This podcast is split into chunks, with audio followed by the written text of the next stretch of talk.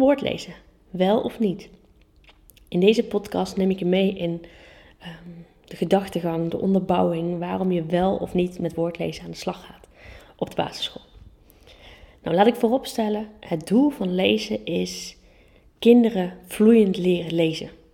Het beste behaal je dat doel door in te zetten op teksten, waarbij kinderen heel veel oefenen met teksten lezen, oefenen met vloeiend lezen, oefenen met intonatie en daardoor tempo krijgen in het lezen. Nou, als je weet dat dat het hoofddoel is, dan ga je kijken wat er allemaal aan bijdraagt om kinderen dat in ieder geval in groep 8 te kunnen leren. Ehm, en daar begin je natuurlijk al in groep 1 mee. En zo ontstaat er een heel pad van groep 1 tot groep 8, waarbij je kinderen helpt bij vloeiend kunnen leren lezen. Woordlezen zet je wel in in groep 3. Zeker de eerste helft van het jaar. Waarbij je kinderen wilt leren om van tekens letters te maken. Die letters die plak je aan elkaar tot woorden. En daarmee oefen je met woordlezen dat kinderen die woorden leren lezen. Helpend daarbij zijn eh, rijtjes zoals bij Connect lezen. Rijtjes waarbij steeds kleine veranderingen zijn waardoor de woorden op elkaar lijken en elkaar aanvullen zodat kinderen leren wat de verschillen daarin zijn. Ook in groep 3 en 4 kun je prima de DMT-toets afnemen. Die geeft jou als leerkracht uh, input, met name voor de zwakke lezers die mogelijk dyslexie zouden kunnen hebben. En ook boven groep 4 kun je het inzetten voor de zwakke lezers om te blijven uh, diagnosticeren, registreren of die zwakke lezers in aanmerking komen voor dyslexie bijvoorbeeld. En een dyslexieonderzoek. Nou, DMT en woordlezen zet je niet meer in vanaf groep 5 en hoger. Um, omdat het daar eigenlijk niks toevoegt. Zet daarin op de AVI-toetsen. En zet daar eventueel ook in op de stillees-toetsen. Waarbij je informatie krijgt over hoe kinderen vloeiend kunnen lezen. En waarbij je kijkt of kinderen begrijpen wat ze lezen. Nou, ik heb verschillende vragen ontvangen over ehm, deze stelling die ik ingenomen heb. En uh, die ga ik even kort met je bespreken. Wanneer oefen je wel voor de DMT? Nou, je oefent voor de DMT, de drie minuten toets, um, op, met eigenlijk het enige doel kinderen bekend maken met de drie minuten toets. Dus zo lang duurt een minuut, zo ziet een rij woordjes eruit. Uh, hoeveel woorden kun jij in een minuut lezen? Terwijl je wel gewoon goed blijft lezen en begrijpt wat je leest. Dat je niet gaat racen, uh, waarbij je eigenlijk je eigen benen voorbij loopt. Um, dus dat is eigenlijk het enige doel om wel echt te oefenen voor de DMT. Namelijk dat kinderen de, manier van toetsen kennen, niet overvallen worden en weten wat van ze verwacht wordt. Nou, een heel fijn voorbeeld uh, om daarmee te kunnen oefenen vind ik de Timbuktu leeskaarten. Omdat die um, qua opbouw lijken op een DMT-kaart. En je daar echt kinderen een minuut kunt laten oefenen. En stel je doet dat één keer per week, twee keer per week bijvoorbeeld. Ehm, dan kun je kinderen ook een streep laten zetten om te kijken of ze zichzelf kunnen verbeteren in snelheid. Waardoor het een wedstrijdje met zichzelf wordt om beter te kunnen lezen. De juf zegt dat mijn kind woordlezen moet oefenen. Wat nu? Nou, in dit voorbeeld zeg ik de juf, maar je kunt natuurlijk ook mijn collega's, IB, directie, um, wat dan ook hierin lezen. Um, maar iemand zegt tegen jou dat je met jouw kind thuis of met de kinderen in de klas woordlezen moet oefenen. Wat doe je nu? Nou, kijk naar wat jouw kind nodig heeft, wat de kinderen in jouw klas nodig hebben. Denk je dat er inderdaad uh, kinderen zijn die zwak zijn in lezen, die uh, kans op dyslexie uh, hebben en daar een onderzoek voor nodig hebben, dan kun je inderdaad vanuit woordlezen daar heel veel informatie uithalen. Maar ook deze kinderen en alle kinderen hebben het heel hard nodig om in te zetten op tekstlezen. Ga dus heel veel teksten met ze lezen. Praat over wat je leest. Uh, bespreek de woordgrapjes die erin zitten, de spreekwoorden die je tegenkomt, de dubbele lading uh, die erachter zit.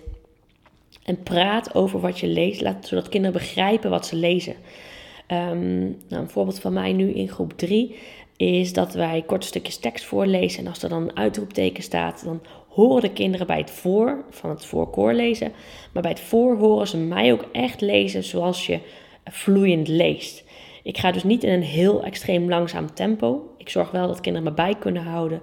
Maar dan wel zo dat het verhaal ook nog um, ja, uh, heel blijft. Dat je niet in woordjes hakt en kinderen tijdens het lezen je verhaal verliezen. Maar echt dat je ehm, zo rustig mogelijk toch vloeiend leest. Waarbij je ook die uitroeptekens bijvoorbeeld moddelt. En aan de kinderen laat zien en vooral laat horen hoe dat toch klinkt als er een uitroepteken staat. Want het hele leuke is dat ik dan bij het koorlezen de kinderen precies hetzelfde hoor doen. Dus ook daar begint eigenlijk jouw taak als leerkracht al um, om dit voor te doen. Nou, kom je lastige woorden tegen, besteed er even aandacht aan. Uh, het woord apart. Lees dat woord bijvoorbeeld drie keer voor koor en ga daarna weer verder in de zin, waardoor je wel inzet op woordlezen binnen de context van een zin en van een tekst. Zodat dat woord ook opgehangen wordt aan de kapstok van de kinderen eh, die ze in hun hoofd hebben, zeg maar. Maar zet dus volle bak in op uh, teksten waaraan je woorden koppelt. Um, en als iemand jou zegt, de kinderen hebben het nodig om woord te lezen, ga dan het gesprek aan. Wat maakt dat diegene dat denkt? Um, is het voor een dyslexieonderzoek? Begrijp ik het. Gaan we doen. Maar um, welke andere redenen hebben ze die jij niet kunt bereiken door met teksten te lezen? Praat daar samen over. Nou, en dat brengt me gelijk bij mijn volgende vraag. Waar vind ik de wetenschappelijke onderbouwing over woordlezen en uh, het effect daarvan?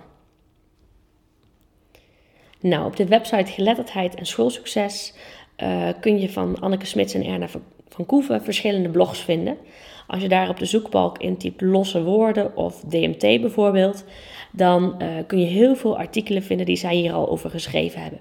En in die artikelen verwijzen ze continu naar bronvermeldingen, naar onderzoeken um, die gedaan zijn om dit, wat zij zeggen, te onderbouwen. Nou, en wat zeggen zij? Woordrijen, uh, woorden lezen, voegen alleen op korte termijn wat toe. Op lange termijn niks. Dan kun je beter inzetten op uh, teksten lezen. Teksten lezen hebben namelijk op lange termijn nog steeds effect en blijven effect hebben. Dus um, wil je meer lezen, wil je jezelf inlezen, wil je het kunnen onderbouwen richting collega's, de juf van school, wie dan ook, lees dan zeker de blogs uh, op deze website. Waarom ligt de focus bij CITO, inspectie, voortgezet onderwijs nog steeds bij de DMT?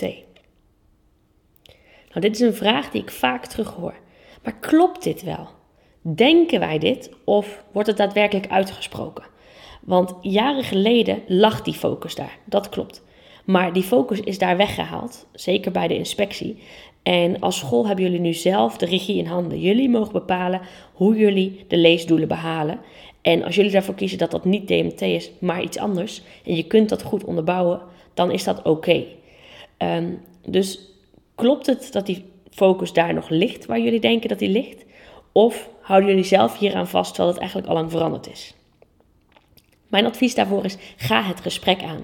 Vraag door. Wat maakt dat diegene die jou hier naar vraagt, um, wat maakt dat hij de focus op de DMT legt en daar zoveel waarde aan hecht? Nou, een voorbeeld, van, ik kreeg een opmerking over het VO. Die vragen naar de DMT-resultaten voordat kinderen starten op het VO. Ja, wat denken zij dan dat de DMT bijdraagt? Uh, is die nog nodig voor dyslexieonderzoeken? Ja, bij zwakke leerlingen kun je dus de DMT overleggen. Uh, maar bij sterke leerlingen zal dat niet meer nodig zijn. Um, ga dus het gesprek aan. En iets zorgwekkends, wat natuurlijk heel veel in het nieuws is, dat uh, er ontlezing is, dat kinderen lezen niet leuk vinden. Um, veel hoor je dat dat toch op het VO speelt. En dat kinderen daar stoppen met lezen. Ik heb echt een boekenworm gehad in. Uh, die had ik eerst in groep 5, groep 6, groep 7, daarna groep 8 nog heel veel contact mee gehad. En het eerste jaar op de middelbare school hoorde ik van haar moeder dat ze helemaal gestopt was met lezen. Ja, wat gaat daar dan bijvoorbeeld in fout? En ik wil niet zeggen dat dat bij alle VO's fout gaat en dat dat het probleem van VO is, zeker niet. Um, maar als jij van het VO terugkrijgt dat de DMT zo belangrijk is, ga dan het gesprek aan. En onderbouw ook waarom dat dus uh, niet zo belangrijk is als ze denken. Ja, en hou dus wel die zwakke leerlingen in de gaten. Het is en blijft voor dyslexieonderzoeken gewoon nodig dat je de DMT hebt afgenomen om de resultaten te kunnen laten zien. Uh, en dan is het enige doel daarvan ook zorgen dat dit kind een dyslexieonderzoek kan krijgen. Ja, daar hoef je dus ook niet te gaan oefenen voor de DMT, want het kind moet laten zien wat het kan en juist dat het op deze toets uitvalt, zodat het dat onderzoek kan krijgen. Ga je dit extra oefenen, dan maakt het dat deze leerling misschien niet in aanmerking komt voor dat onderzoek, omdat het net sterk genoeg is om met die extra oefening zich te kunnen bewijzen, um, terwijl het kind misschien wel dyslexie heeft. Dus ook daar, kijk steeds waarom ligt die focus daar. Ga in gesprek, klopt dit wel? Ehm, en um, onderbouw waarom het minder belangrijk is. Dan wil ik deze podcast afsluiten met zet in op tekst lezen. Laat woord lezen alsjeblieft los vanaf middengroep 3. Gebruik de DMT alleen voor groep 3, 4 en daarna zwakke lezers. En zet verder volop in op tekst lezen.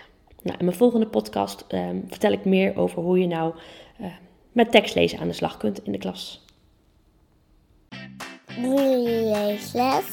Kinderboeken. Ik wil mijn meest succesvolle mini-leesles ooit met je delen. En die komt uit Finn en Femke Vinden de Lente. Uh, geschreven door Martin Klein en Kersten Meijer. En uitgegeven bij uitgeverij Bontekoe. En dit is een heel fijn AVI-boek op AVI eindgroep 4. Waarin uh, allerlei dieren langskomen. Want ze zijn in de natuur op zoek naar de lente. Ze komen vogeltjes tegen, een egel. Ze komen ook bij de dierenarts, waar nog meer dieren in de wachtkamer zitten. De leesvraag die ik daarbij mee heb gegeven is: welke dieren kom je tegen in je boek? Nou, ik zei het net al, het was mijn meest succesvolle mini-leesles ooit, omdat ik niet meer van de kinderen afkwam. Ze wilden allemaal antwoord geven in mijn groep 4. Ehm, nou, meestal laat ik drie kinderen ongeveer aan de beurt. Ik liet er nu al een stuk of zeven aan de beurt. En nog waren er zoveel vingers dat de kinderen teleur moest stellen. Maar gelukkig wisten die kinderen de weg wel naar mij toe. In de pauze en zelfs nog na schooltijd. Om nog even te vertellen over alle dieren die zij in hun boek tegenkwamen. Pak een boek erbij. Uh, zoek op welke dieren je tegenkomt. En vraag dan aan de kinderen in de klas. Welke dieren kom je tegen in jouw boek? En wees dus gewaarschuwd. Zeker in een middenbouwgroep is dit echt een uh, succesvolle mini-leesles. Wat ontzettend leuk dat je luistert naar de podcast vol leespiratie. Misschien ben je door mijn Leespiratie podcast zelf enthousiast geworden om met Leespiratie in je klas aan de slag te gaan. Tof, want daar liggen namelijk veel kansen voor leerkrachten. Juist door jouw leerlingen ook weer te leespireren. Schrijf je daarom in voor mijn Leespiratie mail. Dat kan door via de show notes op de link te klikken en je gegevens in te vullen. Dan blijf je altijd als eerste op de hoogte van de leespiratietips die ik deel. Wil je nog meer leespiratie? Beluister de andere podcasts die ik maakte. Volg me op Instagram onder de naam kinderboekenjuf.nl of neus eens rond op mijn website www.kinderboekenjuf.nl voor praktische, kant-en-klare leespiratie waar je zo mee aan de slag kunt. Nou, heb je vragen naar aanleiding van deze podcast? Of wil je mij wat vragen? Mail me op info.kinderboekenjuf.nl Vind je deze podcast waardevol? Laat het me weten via mijn Instagram, kinderboekenjuf.nl of mail me op info.kinderboekenjuf.nl. Ik vind het heel erg leuk om van je te horen. Volg mijn podcast door via het luisterplatform naar de podcast voor leespiratie te gaan en klik vervolgens op volgen. Stel de meldingen in, zodat je als eerste op de hoogte blijft als er een nieuwe aflevering online komt. Bij Spotify kun je dit bijvoorbeeld doen door het alarmbelletje aan te klikken. En geef mijn podcast een beoordeling of like, zodat anderen ook weten dat mijn podcast de moeite waard is om te beluisteren. Deel de link gerust met collega's of andere geïnteresseerden, zodat zij ook de podcast kunnen beluisteren. Ik kijk er naar uit om een nieuwe aflevering voor je op te nemen. Tot dan! Je luisterde naar Ingrid Rijnboud Evers, de kinderboekenjuf. Wil je nou meer weten over mij? Luister dan zeker eerst even de eerste twee podcasts die ik maakte. Daarin vertel ik je eigenlijk alles over wie ik ben, uh, wat mijn interesses zijn en wat mijn visie als kinderboekenjuf is en hoe ik leerkrachten help om de kinderen in hun klas te leespireren.